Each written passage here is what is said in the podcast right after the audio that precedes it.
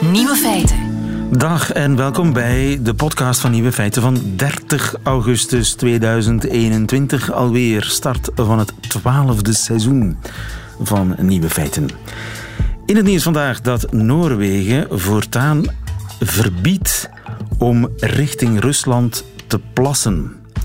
Ik leg dat even uit. Noorwegen deelt een grens van bijna 200 kilometer met Rusland. En een deel van die grens loopt parallel met de Jacobelsa-rivier. Wie aan de Noorse oever van de rivier staat, die ziet aan de overkant Rusland liggen. Stromende water zet verschillende mannelijke wandelaars aan tot bepaalde wandaden. En zo wordt er regelmatig door Noorse wandelaars in die rivier richting Rusland dus geplast. En de grensautoriteiten worden daar zenuwachtig van, want misschien knallen de Russen iets terug. En nu staat er aan de Noorse kant van de grens een bordje met een duidelijke boodschap: niet richting Rusland plassen. Noorwegen heeft ook een wet die beledigende handelingen aan de grens richting een buurland verbiedt. Daarom. Wie betrapt wordt op het zwaaien van zijn vlag richting Rusland, die kan een boete van bijna 300 euro krijgen. Voilà. De andere nieuwe feiten vandaag. Zelfs hele brave twitteraars, zoals Jan de Mol, die kunnen kennelijk zomaar geschorst worden. En daar kun je heel weinig tegen inbrengen. De wetenschappelijke studie op basis waarvan atleten zoals Caster Semenya niet aan de Olympische Spelen mochten meedoen, die wetenschappelijke studie, die is niet helemaal correct. En in Parijs scheen deze zomer, ondanks de regen, de zon. Hoe dat kan, dat weet Alex Visorek. En de nieuwe feiten van Nico Dijkshoorn, die hoort u in zijn middagjournaal. Veel plezier. Nieuwe feiten. Radio 1. Caster Semenya, u herinnert zich ongetwijfeld Caster Semenya, de Zuid-Afrikaanse atlete uh, met het uitzonderlijk hoge testosterongehalte. Ze mocht niet meedoen in Tokio op de Olympische Spelen, precies omdat ze van nature te veel mannelijke hormonen heeft. Maar, zo blijkt nu, misschien was dat onterecht. Hans van de Wegen, goedemiddag. Goedemiddag. Je bent sportjournalist. In een eh, Brits medisch tijdschrift is enige tijd geleden een rechtzetting verschenen. Een rechtzetting die nogal wat gevolgen kan hebben voor atleten zoals Caster Semenya. Wat wordt er rechtgezet? Wat er wordt rechtgezet is dat de data die destijds zijn gebruikt om aan te tonen dat uh, mensen met een, of vrouwen met een hoger uh, testosterongehalte dan uh, de gemiddelde vrouw, dat die een voordeel zouden hebben. Aha het, het, niet, de, niet de conclusie is aangevallen, maar wel de data. Zelfs mensen, die wetenschappers die pro die hormonale grens waren, hebben van in het begin gezegd, en daar, daar noem ik bij Ross Tucker, dat is een bekende Zuid-Afrikaan, heeft met van in het begin gezegd van ja, als je iets wil bewijzen, dan doe je dit op de verkeerde manier. Dit ja. lijkt nergens op. En het is de British Journal of Medicine, dat is toch geen klein uh, vakblad, dat zich nu heeft moeten, ja, niet terugtrekken in die zaak, maar toch zeggen van kijk, ja, misschien zijn de conclusies niet helemaal uh, duidelijk enzovoort. En kunnen we met deze data er toch niet uh, op verder op, op doorgaan. En uh, ja, of het veel verandert aan de zaak is een ander verhaal. Want wat is al gebleken in die zaak toen die gepleit is, hebben de, de, heeft de IAF, de World Athletics heet die tegenwoordig, de grote internationale bond, heeft eigenlijk van dat artikel al geen gebruik meer gemaakt. Omdat ze zelf ook wel wisten van ja, deze data zijn, kloppen niet. Hier gaan we ons, ja, hier gaan we ons in, uh, in een soort ellende storten. Maar de conclusie was daaruit wel omdat die data erop wezen dat vanaf de 400 meter tot de 1500 meter er zogezegd een voordeel was. Ja. Dat, dat was juist de manco van de data. Want, ja. want precies op die afstanden liepen die bepaalde vrouwen waar andere vrouwen van zeiden van ja, dat zijn eigenlijk mannen. Hè. Ja. En dus daar klopte die data wel. Maar ja, bewijs je dan iets? Nee. Dus de wetenschappelijke studie, of althans een van de wetenschappelijke studies, een van de, ja, ja, de, de steunpilaren van de huidige regelgeving van de Atletiekbond die is ja, gaan liggen, of die, die steunpilaar was niet helemaal correct, die, die wetenschappelijke studie, daar valt veel op aan te merken.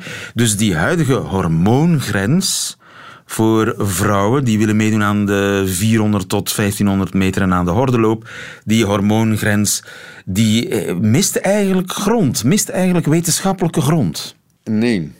Oei. dat, is het, ju- dat is juist. De, eh, de- ja, eh, je kan het licht van de zon ontkennen, of je kan ook zeggen de aarde is plat. En dat is ongeveer hetzelfde als je zegt van testosteron heeft geen invloed op de prestatie. Maar het is niet zo, omdat een vrouw, die ene vrouw, iets meer testosteron heeft dan de andere, dat die daarom beter zal presteren. In het geval van Semenya en haar collega's gaat het naar testosterongehaltes van boven de 20, terwijl de gemiddelde vrouw een testosteron heeft van 3. En, en dat getal staat voor nanomol testosteron per liter urine, hè, voor alle duidelijkheid. Ja. Dus ja, de, nee. Maar wacht eens 3% even, dus die, die studie moet gecorrigeerd worden, maar die studie was een van de basissen voor die regelgeving. En toch zeg jij, ja, dat maakt eigenlijk niet zoveel uit of die studie nu klopt of niet. Wel, nee, de data die ze daar hebben gebruikt, namelijk de tijden die ze hebben gebruikt, en, en, en, eh, want daar ging het eigenlijk over, daar zijn zelfs tijden uitgevonden om die studie te doen kloppen. En dat was eigenlijk de grote vergissing die daar is gebeurd. En, en uiteindelijk had de British, Medical, eh, British Journal of Medicine daar beter moeten op toezien. Eh, dat is ha- haastig gepubliceerd geworden. En die auteurs hebben zich daar redelijk in verslikt en die hebben dat achteraf ook toegegeven. En dat is natuurlijk nu de zwakte van het hele, hele verhaal. Maar mensen, mensen die denken dat ze daarmee onderuit kunnen halen dat testosteron geen bepalende factor is in het verschil tussen mannen en vrouwen, die dromen natuurlijk. De vraag is alleen, en daar sluit ik mij ook bij aan, als journalist, ja, eh, dat uitsluiten van vrouwen die geboren zijn als vrouw op basis van hormonale waarden, ja, hoe ver kan je daarmee gaan? En vooral wat ze Caster Semenya hebben eh, aangedaan door haar een tijd lang hormonale beperkingen op te leggen, waardoor ze pillen moest nemen, waardoor haar testosteron werd onderdrukt, waardoor ze depressief werd, waardoor ze tien seconden trager liep ineens. Ja, is dat allemaal wel eh, in, in, in, is dat niet in strijd met de mensenrechten? En want daar gaat het uiteindelijk over. Ja. Daar kadert dit eh, hele geval in, in eh, de behoefte van de sport om een messcherpe grens te trekken tussen mannen en vrouwen. Een grens die de natuur nu eenmaal niet trekt. Nee, maar kijk, dat is natuurlijk de natuur en de moderne maatschappelijke tendens mag dan genderfluiditeit als algemeen aanvaard beschouwen. Vrouwensport is gebaseerd op een binaire opdeling man-vrouw. Uit Vrouwen met een teveel aan testosteron zijn oververtegenwoordigd in de topsport, maar niet alle vrouwen met een teveel aan testosteron hebben het probleem of het, de medische eh, toestand die Caster Semenya heeft. Namelijk, ze heeft geen, niet het, ik ga het on, on- oneerbaar zeggen, om kort, te- niet het binnenwerk van een vrouw, ze heeft het binnenwerk van een man. Ze heeft alles wat een man heeft binnenin haar lichaam. Alleen is die testosteron niet in die, in, in die fase in, eh, voor ze geboren was zodanig doorgezet, heeft zich zodanig doorgezet dat ze een penis heeft ontwikkeld. Ze geeft dat ook trouwens toe, hè? maar ze zegt ik ben een vrouw. En, en dat is uiteindelijk wel, het probleem is nu, hoe Maar bepaal is dat, God... ja, is dat eigenlijk op te lossen, dat probleem? De natuur is fluïde, de maatschappij is fluïde. En de sport kan daarin niet volgen, want anders, als je, als je, je kunt mannen en vrouwen moeilijk samen laten sporten. Is een dilemma. Hè? Dit is echt het type voorbeeld van een dilemma. Hè? Hoe bepaal je in godsnaam hoeveel vrouw een vrouw moet zijn in de sport, maar ook hoeveel man een vrouw mag zijn? Hè? En hoe weeg je mensenrechten daartegen af tegen 200 jaar oude afspraken? Want de eerste keer dat een vrouw zei van ik wil ook wel sport doen, was in 1811 en dan hebben ze golf georganiseerd voor vrouwen apart. En vervolgens zijn al die andere sporten gevolgd. Hè? Eerst de, de, de gymnastiek enzovoort. Maar de vrouwen willen zelf die binaire opdeling om zichzelf te beschermen tegen mannen. Want goed, wij zijn nu eh, witte mannen die daarover praten. Maar ik, zeg, ik heb al een paar keer bij wijze van boetade gezegd: ja, jongens, stop daarmee eh, met dat gedoe. Vrouwensport en mannensport. We doen alleen maar mensensport. Maar dan natuurlijk geen enkele vrouw ook nog maar één nummer in de sport. Waarbij de fysieke capaciteiten voorop staan. Hè. Ja. De hormonale fysieke capaciteiten van de man verschillen duidelijk van die van de vrouw. hè. Dus, dus het is, is het een of het ander. Hè. Dat is het punt. Ja, en de huidige regels, die hormoongrens die nu op 5, hoe heet het, nanomol ligt. Ja. Eh, sta je daarachter? Is dat oké, denk je? Moet dat aangepast worden? Ik ben niet de wetenschapper, ook niet de dokter. Ehm, ik, ik praat alleen met vrouwen die, uh, die uh, zelf, uh, direct de meeste vrouwen in de sport hebben zelf een mannelijk lichaam, laten we zeggen. Hè. Dat wordt dan beschouwd als een mannelijk lichaam. Namelijk, uh, ze zien er niet uit als de gemiddelde vrouw. Ze, ze zijn atletischer. Die vrouwen zeggen van ja, goed, er moet eigenlijk een grens komen. En ik verlaat mij daar dan op om te zeggen, ja, misschien moet er een grens komen. Maar ander, anderzijds denk ik van, wat hebben ze in godsnaam Caster Semenya aangedaan? Wij weten alles van die vrouwen. Wij weten wat erin zit, wij weten wat er niet aanhangt. Ja. Uh, of wel aanhangt. Het is een verschrikking uh, wat we daarmee hebben gedaan. Onterend. Natuurlijk vergeleken vergeleken met vroeger toen de dokters uh, in de broekjes keken en, en een te grote clitorissen moesten melden. Dat is dan 100 jaar geleden uh, om, om vrouwen uit te sluiten. Uh, ja, dat, is natuurlijk, dat was natuurlijk nog erger, maar het blijft een, een, een blijft een gigantisch probleem. Hè. Ja, een gigantisch probleem dat eigenlijk nog niet opgelost is. Maar we zitten op dit ogenblik met de best mogelijke oplossing. Is dat jouw... Uh... Wel, je, je gaat een, een, aantal mensen echt wel uitsluiten. En dat is heel pijnlijk voor de hele absoluut grote meerderheid. En, en misschien is dat een oplossing.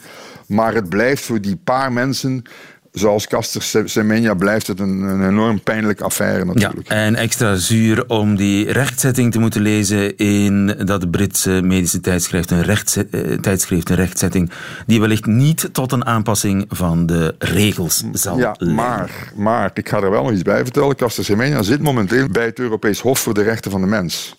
En daar zou natuurlijk wel een keer een uitspraak kunnen komen die alles overstijgt. Aha. Nu heeft de World, Atlet World, Athletics wel al gezegd, we zijn een privéorganisatie en niet noodzakelijk gebonden aan uh, de rechten van de mens verklaring. Maar ja, dat is natuurlijk ook een beetje hol, want op het moment dat ze die veroordeling wel zouden krijgen, dan krijg je een totaal ander speelveld. En dan wordt het wel heel boeiend om te volgen. En jij volgt het voor ons. Waarvoor dank Hans van der Wegen. Dankjewel. Ja. Goedemiddag. Graag gedaan. Feiten. Radio 1. Blijkbaar kan je zomaar ineens van Twitter worden gesmeten zonder duidelijke reden. Dat ondervond de redactie van Nieuwe Feiten. Goedemiddag, Jan de Mol. Goedemiddag, lieve. Jan de Mol is al jaren, uh, elf jaar om precies te zijn. Wij vieren vandaag eigenlijk onze elfde verjaardag. Hè? Ons huwelijk. Hoera. Ons radiohuwelijk. Jan de Mol, al uh, elf jaar drijvende kracht van dit programma.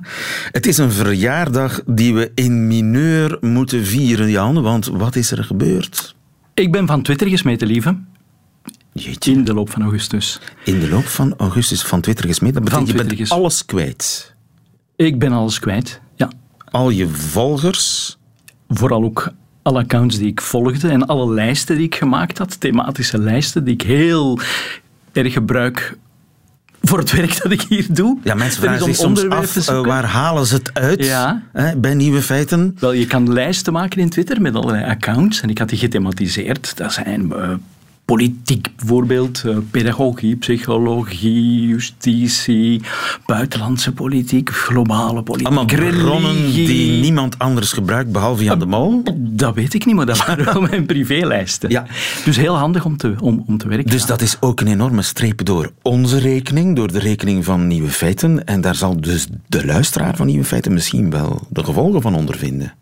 Dat zou best kunnen. Ik had er ook heel erg in geïnvesteerd. Jarenlang? Jarenlang die lijsten samengesteld en... Um... En bijgehouden. En alles weg nu. Heb je iets mistwitterd? Wie weet. De laatste tweet die ik verstuurd heb, uh, was een fotootje van toen ik in Antwerpen aan het rondlopen was met mijn vrouw. We waren nieuwe stoelen gaan kopen en we zijn gaan eten en we hebben nog wat aankopen gedaan. Op een bepaald moment trap ik in de plas. En toen merkte ik dat ik met twee verschillende, ik zal maar zeggen zoals het is, twee verschillende soorten crocs op, op weg was, zonder dat ik dat merkte. En daar heb ik een fotootje van gemaakt en daar heb ik op Twitter gezet, er nog wat reactie op gekregen. Maar en dat, dat, kan toch, dat kan toch niet... Dat, dat staat model voor jouw tweets. ja. Want die zijn altijd heel grappig, lief... Ik zal nooit controverse opzoeken. Ik zal ook nooit uh, in discussie gaan. Ik zal nooit politieke standpunten, maatschappelijke standpunten innemen. Ook omdat ik bij de openbare omroep werk. Ja, en dus voor alle duidelijkheid, ik vraag het jou, ik moet het jou vragen. Heb jij ooit in een vlaag van zinsverbijstering, in een dronken bui, wat dan ook, doodsbedreigingen geuit, racistische praat verkocht? nee, alles behalve. Nee, absoluut nooit. Nee, ik ben van Twitter gesmeten en ik moet het in het Engels zeggen, want ik heb daar een mailtje voor gekregen. Ah, je krijgt wel uitleg. Ja, ik heb een mailtje gekregen voor violating our rules against platform manipulation and spam. Platformmanipulatie en, en spam. Ja. Wat kan dat betekenen? Wel ja, dat je bijvoorbeeld commerciële bullshit begint te, te sturen en masse. Maar ik heb in heel augustus wel geteld twee tweets verstuurd. Dus dan kan je bezwaarlijk zeggen dat ik gespamd heb.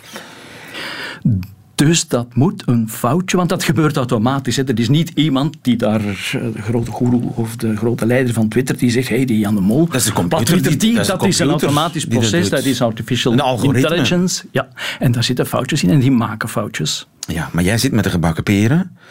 Want het is ook nog een beetje, ja, toch ook reputatieschade. Hè? Want al jouw volgers zien dat jij geblokkeerd bent. Mensen vragen zich af, oei, want wat moet je al gedaan hebben om... Ja, je kan tijdelijk uh, van Twitter gegooid worden of... of je bewegingsruimte kan tijdelijk ingeperkt worden. En dat is dan meestal om iets inhoudelijks dat je hebt uh, getwitterd. Maar je kan ook carrément van Twitter gesmeten worden. En dan moet je toch wel serieus misdragen hebben. Dus het is een beetje zoals iemand die thuis wordt opgepakt en alle buren zien dat hij in, in, zijn, in de combi wordt weggeleid. Eh, die zal wel iets uitgestoken hebben. Mhm. Dat is het. En jij zit daar. Heb je eigenlijk al contact gezocht met Twitter? Dat gaat niet, lieven. Wel, je krijgt dus een mailtje en daarin staat dat je beroep kan aantekenen tegen je opschorting en dan kan je een automatisch formuliertje invullen. En dan krijg je een automatische reply via, uh, via mail ook dat je een case nummer hebt gekregen en dat je moet bevestigen dat je via dat mailadres um, bereikbaar bent. Dus je hebt een dossiernummer ja. en that's it. Ja, that's it. Maar Twitter heeft geen helpdesk, je kan daar niet naar bellen, zelfs niet als journalist. Die hebben geen woordvoerder, nu niet dat mijn case zo belangrijk is. Maar die hebben zelfs geen, geen, geen helpdesk of, uh, of een makkelijke manier om hen te benaderen en om eens te zeggen van jongens, hebben jullie toch geen fout gemaakt? Maarten van Gramberen heeft zitten meeluisteren. Dag Maarten. Hey, dag lieve. Van Sportza. Uh, wanneer ben jij van Twitter gesmeten? Ja, het is heel herkenbaar allemaal een beetje, moet ik zeggen. Bij mij moet het ergens gebeurd zijn in mei vorig jaar. Toen plots kreeg ik een berichtje. Er heeft iemand proberen in te breken in jouw account. Kan je bevestigen dat jij dat bent? Uh, geef me jouw e-mailadres. Maar ik kreeg dat op mijn e-mailadres van VRT. Ik heb gezegd, ja, dit is mijn e-mailadres. En toen zei Twitter, ja, maar dit is niet het e-mailadres dat wij terugvinden. Terwijl ik net een bericht van Twitter op dat e-mailadres had gekregen. En dus ik kon ook niet meer in mijn account. En dan heb ik ook tientallen mailtjes gestuurd, uh, berichten ingevuld. Zoals de collega daarnet zei, naar Twitter support. Alsjeblieft, ik ben dat, uh, help me. Maar dat bracht allemaal geen enkele zoden aan de dijk. Ik kon niet meer in mijn account. En ook daar had ik natuurlijk jarenlang aan gebouwd om de juiste mensen te volgen. Omdat je als journalist heel snel aan informatie kan op Twitter natuurlijk. Maar um, niks hielp. Ik kon niet meer in mijn account. En hoe lang heeft dat zo geduurd? Wel, dat heeft geduurd en dat is eh, een beetje opvallend tot uh, een week of drie geleden. Ik stapte van het vliegtuig toen ik van de Spelen in Tokio kwam. Wij landen in uh, Duitsland, in Frankfurt en plots had ik een berichtje van Twitter support. Hey Maarten, um, als je deze code ingeeft en je verandert een e-mailadres, dan ga je toch in je oude account kunnen. En dat heb ik dan gedaan en een week na kreeg ik terug een bericht. Voilà, met deze code kan je je oude account opnieuw activeren. Dat lukte en dus sinds een week of drie zit ik terug op mijn account. En ik had de eerste maand toen ik ervan afgesmeten was, echt elke dag was ik daarmee bezig. Alles en iedereen gecontacteerd die mij eventueel zou kunnen helpen. Tot ethische hackers toe. Ik zeg, man, doe iets. Want dat is verschrikkelijk vervelend. Omdat je plots heel veel informatie uh, mist als journalist. Je bent er plots van afgesneden. Niks help. Ik had het eigenlijk al opgegeven, andere account gemaakt, al die volgers overgezet. En plots. Ah, volgers overzetten, dat kon. Ja, volgens overzetten, dat is gewoon ambachtelijk werk. Hè. Dan kijk je gewoon, wie was ik allemaal aan het volgen? Ik had dan gewoon een andere account aangemaakt onder een andere naam. Niemand die je volgt nog natuurlijk. Ik had ook geen zin meer om daarin te investeren. En dan heb ik gewoon gekeken naar wie ik allemaal volgde ah, ja, op mijn vorige de, account. Niet, niet mensen die, die jou volgen. Ja, ja voilà, zo. Jij, jij kunt, kan niet eens zien wie ik allemaal volgde. Dus ik, ik, ik, ik, kon dat wel zien. Ik ah, kon dat nog wel zien wie ik allemaal volgde. En dat heb ik dan allemaal allemaal één voor één zitten overzetten. Maar dan zag ik na een paar maanden dat ik dat niet meer kon zien. Maar in het begin kon ik dat nog wel bekijken. Dus heb ik die allemaal overgezet op een nieuwe account. En zo kon ik dan toch nog een beetje uh, het nieuws opnieuw volgen op Twitter. Maar uh, hoe lang heeft het geduurd voor je weer evenveel volgers had als ervoor? Wel, ik heb het opgegeven. Ik had maar een paar honderd volgers, terwijl ik er op dat oude account wel in de 30.000 had. Ik, ik heb gewoon niks meer getweet, want ik dacht dat heeft geen enkele zin meer. Ik ga alleen nog maar volgen.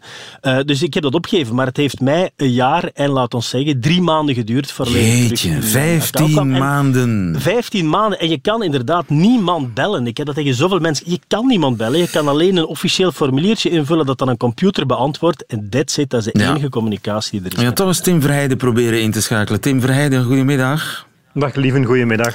Tim, je bent de sociale media-expert van VRT Nieuws. Ja. Kun jij in contact komen met Twitter? Nee. Hè? Ik probeer al, ja, nee, ik probeer al jaren in contact te komen met Twitter, al was het natuurlijk maar een woordvoerder, zeker sinds Donald Wacht Trump even, president werd. De VRT kan niet in contact treden met Twitter.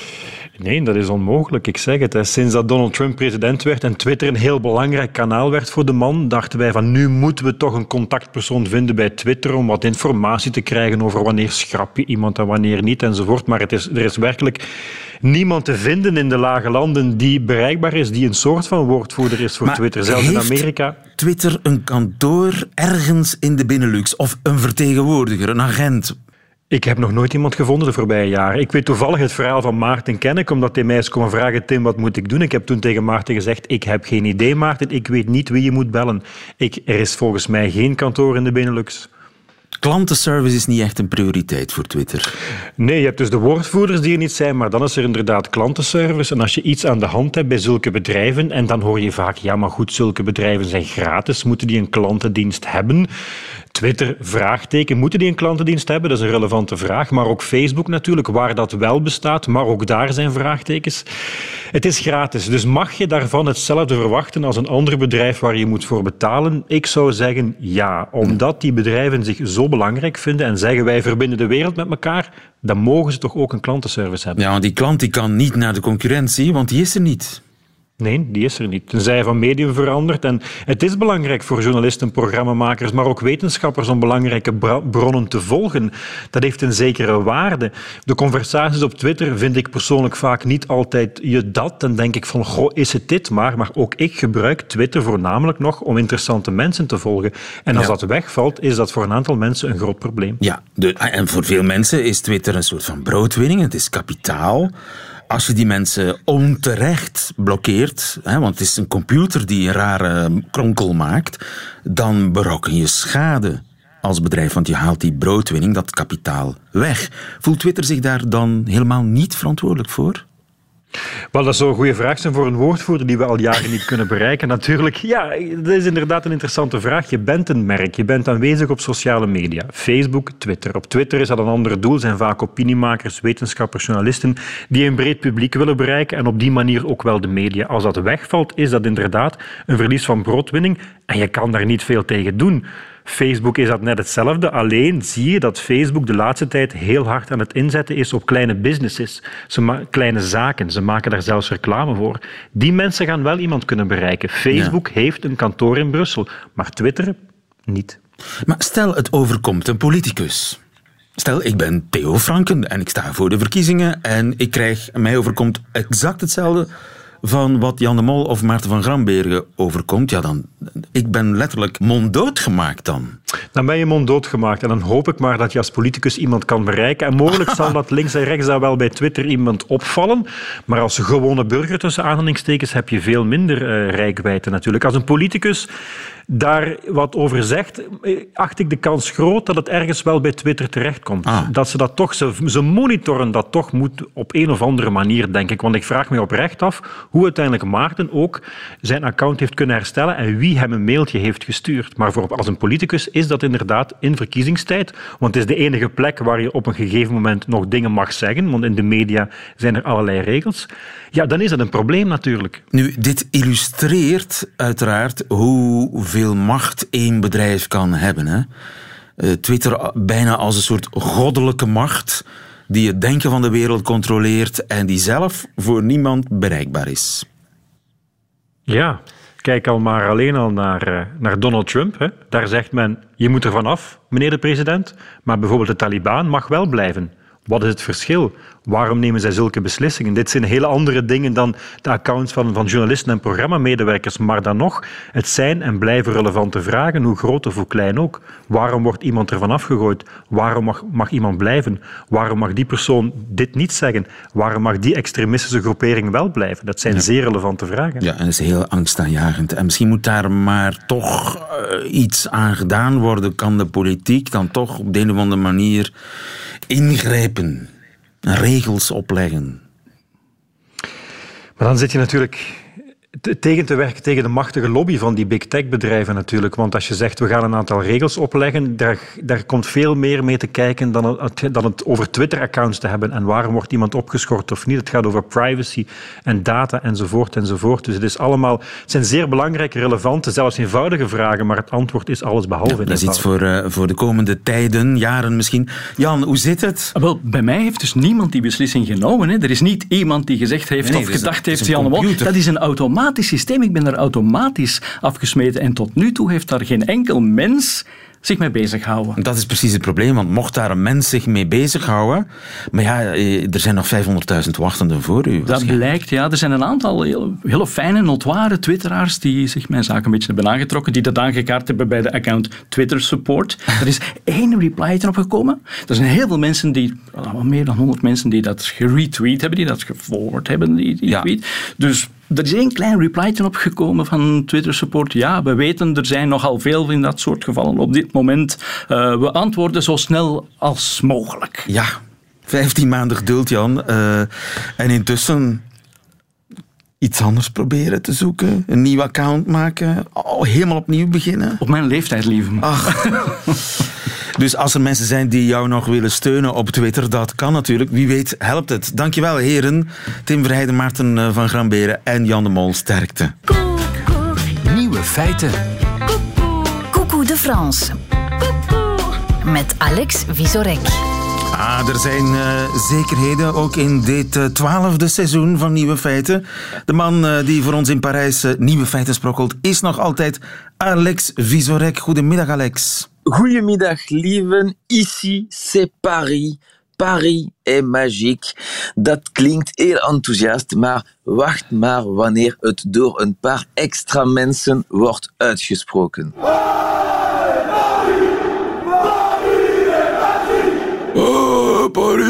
Ja, dat zullen de spelers van Club Brugge binnenkort kunnen horen, want het is de slogan van de supporters van PSG, Le Paris Saint-Germain, een sterke tegenstander voor blauw en zwart in de toekomstige Champions League.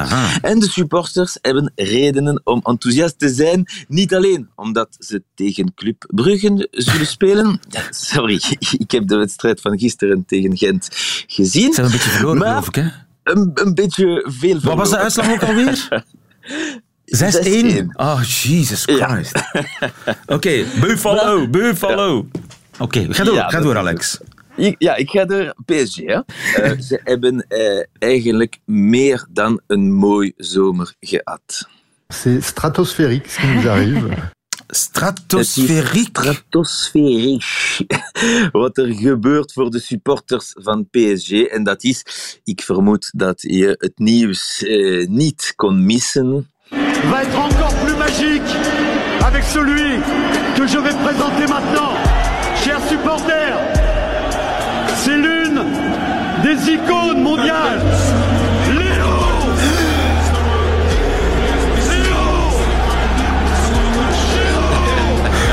Ja, de stembanden begeven het bijna. Paris va être encore plus magique, want Lionel Messi, het ja. wereldicoon, komt nu in Parijs voetballen. Ja, de beste speler van de wereld hoort nu bij PSG, maar de transfer is totaal gek. Niemand dacht dat hij FC Barcelona, de club van zijn hart, ooit zou verlaten. Het zou zijn alsof jij plots lieve niet voor de VRT werkte. Uh, het was ik, ben, dus... ik ben te koop, Alex, maar niemand wil mij. Ja. Ik zal het zeggen in Frankrijk. Uh, het was dus een shock, uh, ook voor Messi, die in tranen was toen Barcelona aankondigde dat zijn contract niet verlengd zou worden door de strakke financiële regels van het Spaans kampioenschap. Moet Barça besparen en Messi bijhouden was te duur. En iedereen in Parijs begon al te fantaseren. En twee dagen later, le rêve devient réalité. Op de luchthaven werd hij als een rockster verwelkomd. J'étais amoureux de lui, je l'ai vu de, de mes propres yeux. Il m'a regardé, je l'ai vu qu'il m'a regardé. Ah, J'étais amoureux de lui, dat zegt hij echt, hè? En ik heb hem met mijn Ja, eigen ogen gezien, hij heeft mij aangekeken. Ik ben er zeker van. Ja, dat zei hij. Emmanuel Macron is nu slechts de tweede belangrijkste persoon in Frankrijk. Lees je op Twitter. De hele Franse pers kon haar fascinatie niet verstoppen. Zelfs de heel serieuze zenders France Inter en France Info, die amper over voetbal spreken, hebben dagenlang alle kanten van de transfer geanalyseerd. De impact over de Franse belastingen, de macht van het Midden-Oosten in het Europese voetbal en zelfs het geluk van de IMO-makelaars. Si vous louez un bien en Ile-de-France, sachez que Lionel Messi peut être intéressé. Le nouveau joueur star du Paris Saint-Germain cherche à se loger. Budget mensuel entre 25 et 45 000 euros. Ja, Lionel Messi zoekt eh, natuurlijk een eh, gezellig appartementje in Parijs. Budget 40.000 euro per maand. Ja, spijtig genoeg zal mijn appartement in Parijs niet voldoende zijn, vrees ik. Maar wat denken de Fransen die niet voor Parijs supporteren? Ah ja. Zij zijn minder enthousiast. Est-ce qu'il va être content de venir jouer en Ligue 1 On l'a vu, il était en larmes quand même hier. Est-ce qu'il va être Il est content en larmes, il est en larmes, c'est sûr, il a quitté son club de cœur, mais Il aura des larmes aussi quand il verra le niveau de la Ligue 1. Oei, hij moest huilen toen hij Barcelona verliet, maar hij zal nog meer moeten huilen als hij het niveau van het Franse voetbal ontdekt. Ja, want PSG speelt eigenlijk in een andere categorie dan de rest van de ploegen van het Frans kampioenschap lieven. En dat is zo sinds Qatarese investeerders de club overnamen tien jaar geleden. De transfer van Messi is in feite de apotheose van een strategie die eigenlijk simpel is. Gewoon de allerbeste spelers kopen en allemaal in één ploeg laten spelen. Daarom kon je spelers als David Beckham, Zlatan Ibrahimovic, Neymar en nu Messi zien spelen in de Franse hoofdstad. En voor de voorzitters van andere Franse ploegen is het duidelijk dat PSG niet dezelfde categorie speelt. Zo zei de voorzitter van l'Olympique Lyonnais toen zijn club tweede na Parijs kon worden. Le championnat euh, du Qatar euh, étant bien spécifique et réduit euh, à une seule équipe, on, va dire que c'est presque un match pour euh, le championnat de France qui va se, se dérouler samedi contre, contre Monaco. Aha, dus de tweede is eigenlijk de echte Franse kampioen, want de eerste is eigenlijk, ja, dat is eigenlijk meer kampioen van Qatar. Ja, dat zegt eh, de voorzitter van Olympique Lyonnais. Maar dat betekent ook niet dat eh, zij altijd winnen. PSG jaagt vooral zijn grootste droom achterna, de Champions League winnen. Grappig genoeg is dat het eh, net Lionel Messi was die de club de grootste desillusie van de laatste jaren bezorgde. In 2017 dacht PSG bewezen te hebben dat niks kon hen stoppen. Ze hadden tegen Barcelona een heenwedstrijd met 4-0 gewonnen. De terugwedstrijd was gewoon een formaliteit.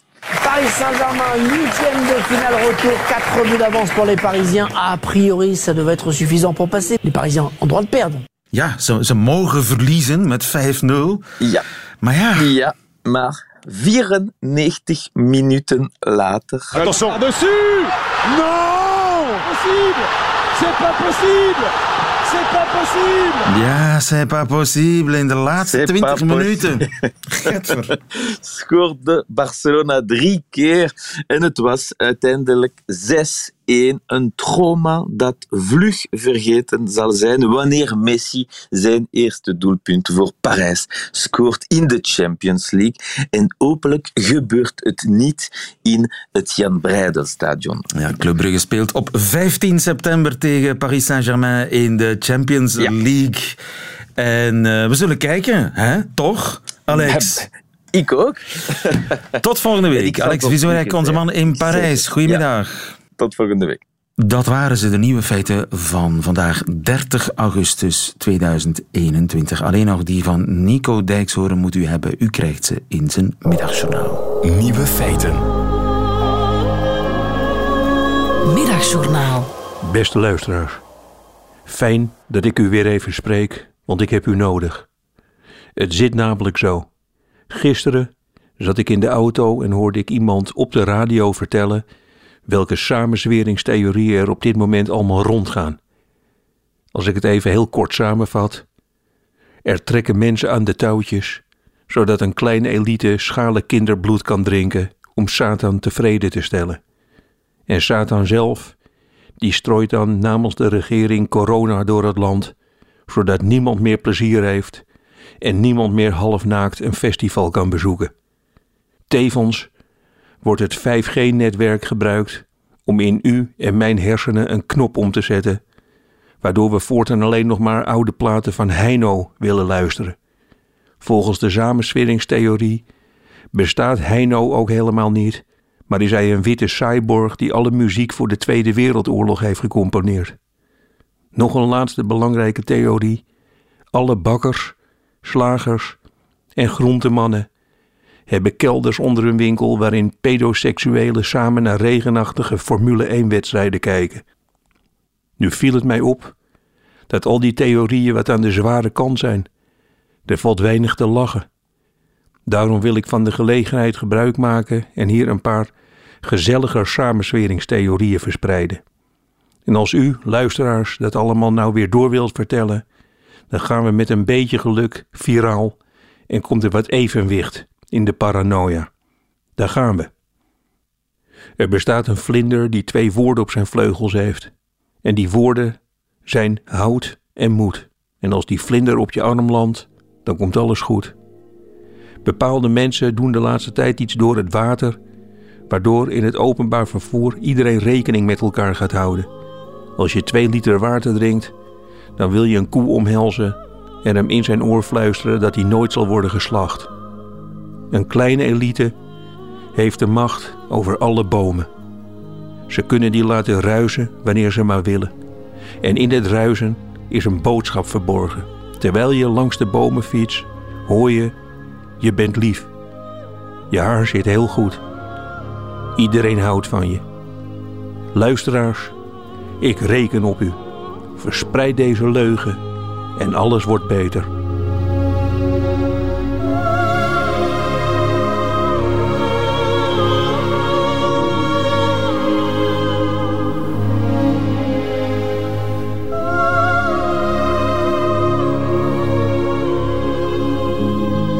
Middagjournaal met Nico Dijkshoorn. Einde van deze podcast. Hoort u liever de volledige uitzending van Nieuwe Feiten? Dat kan natuurlijk via onze app of via radio1.be. Tot een volgende keer.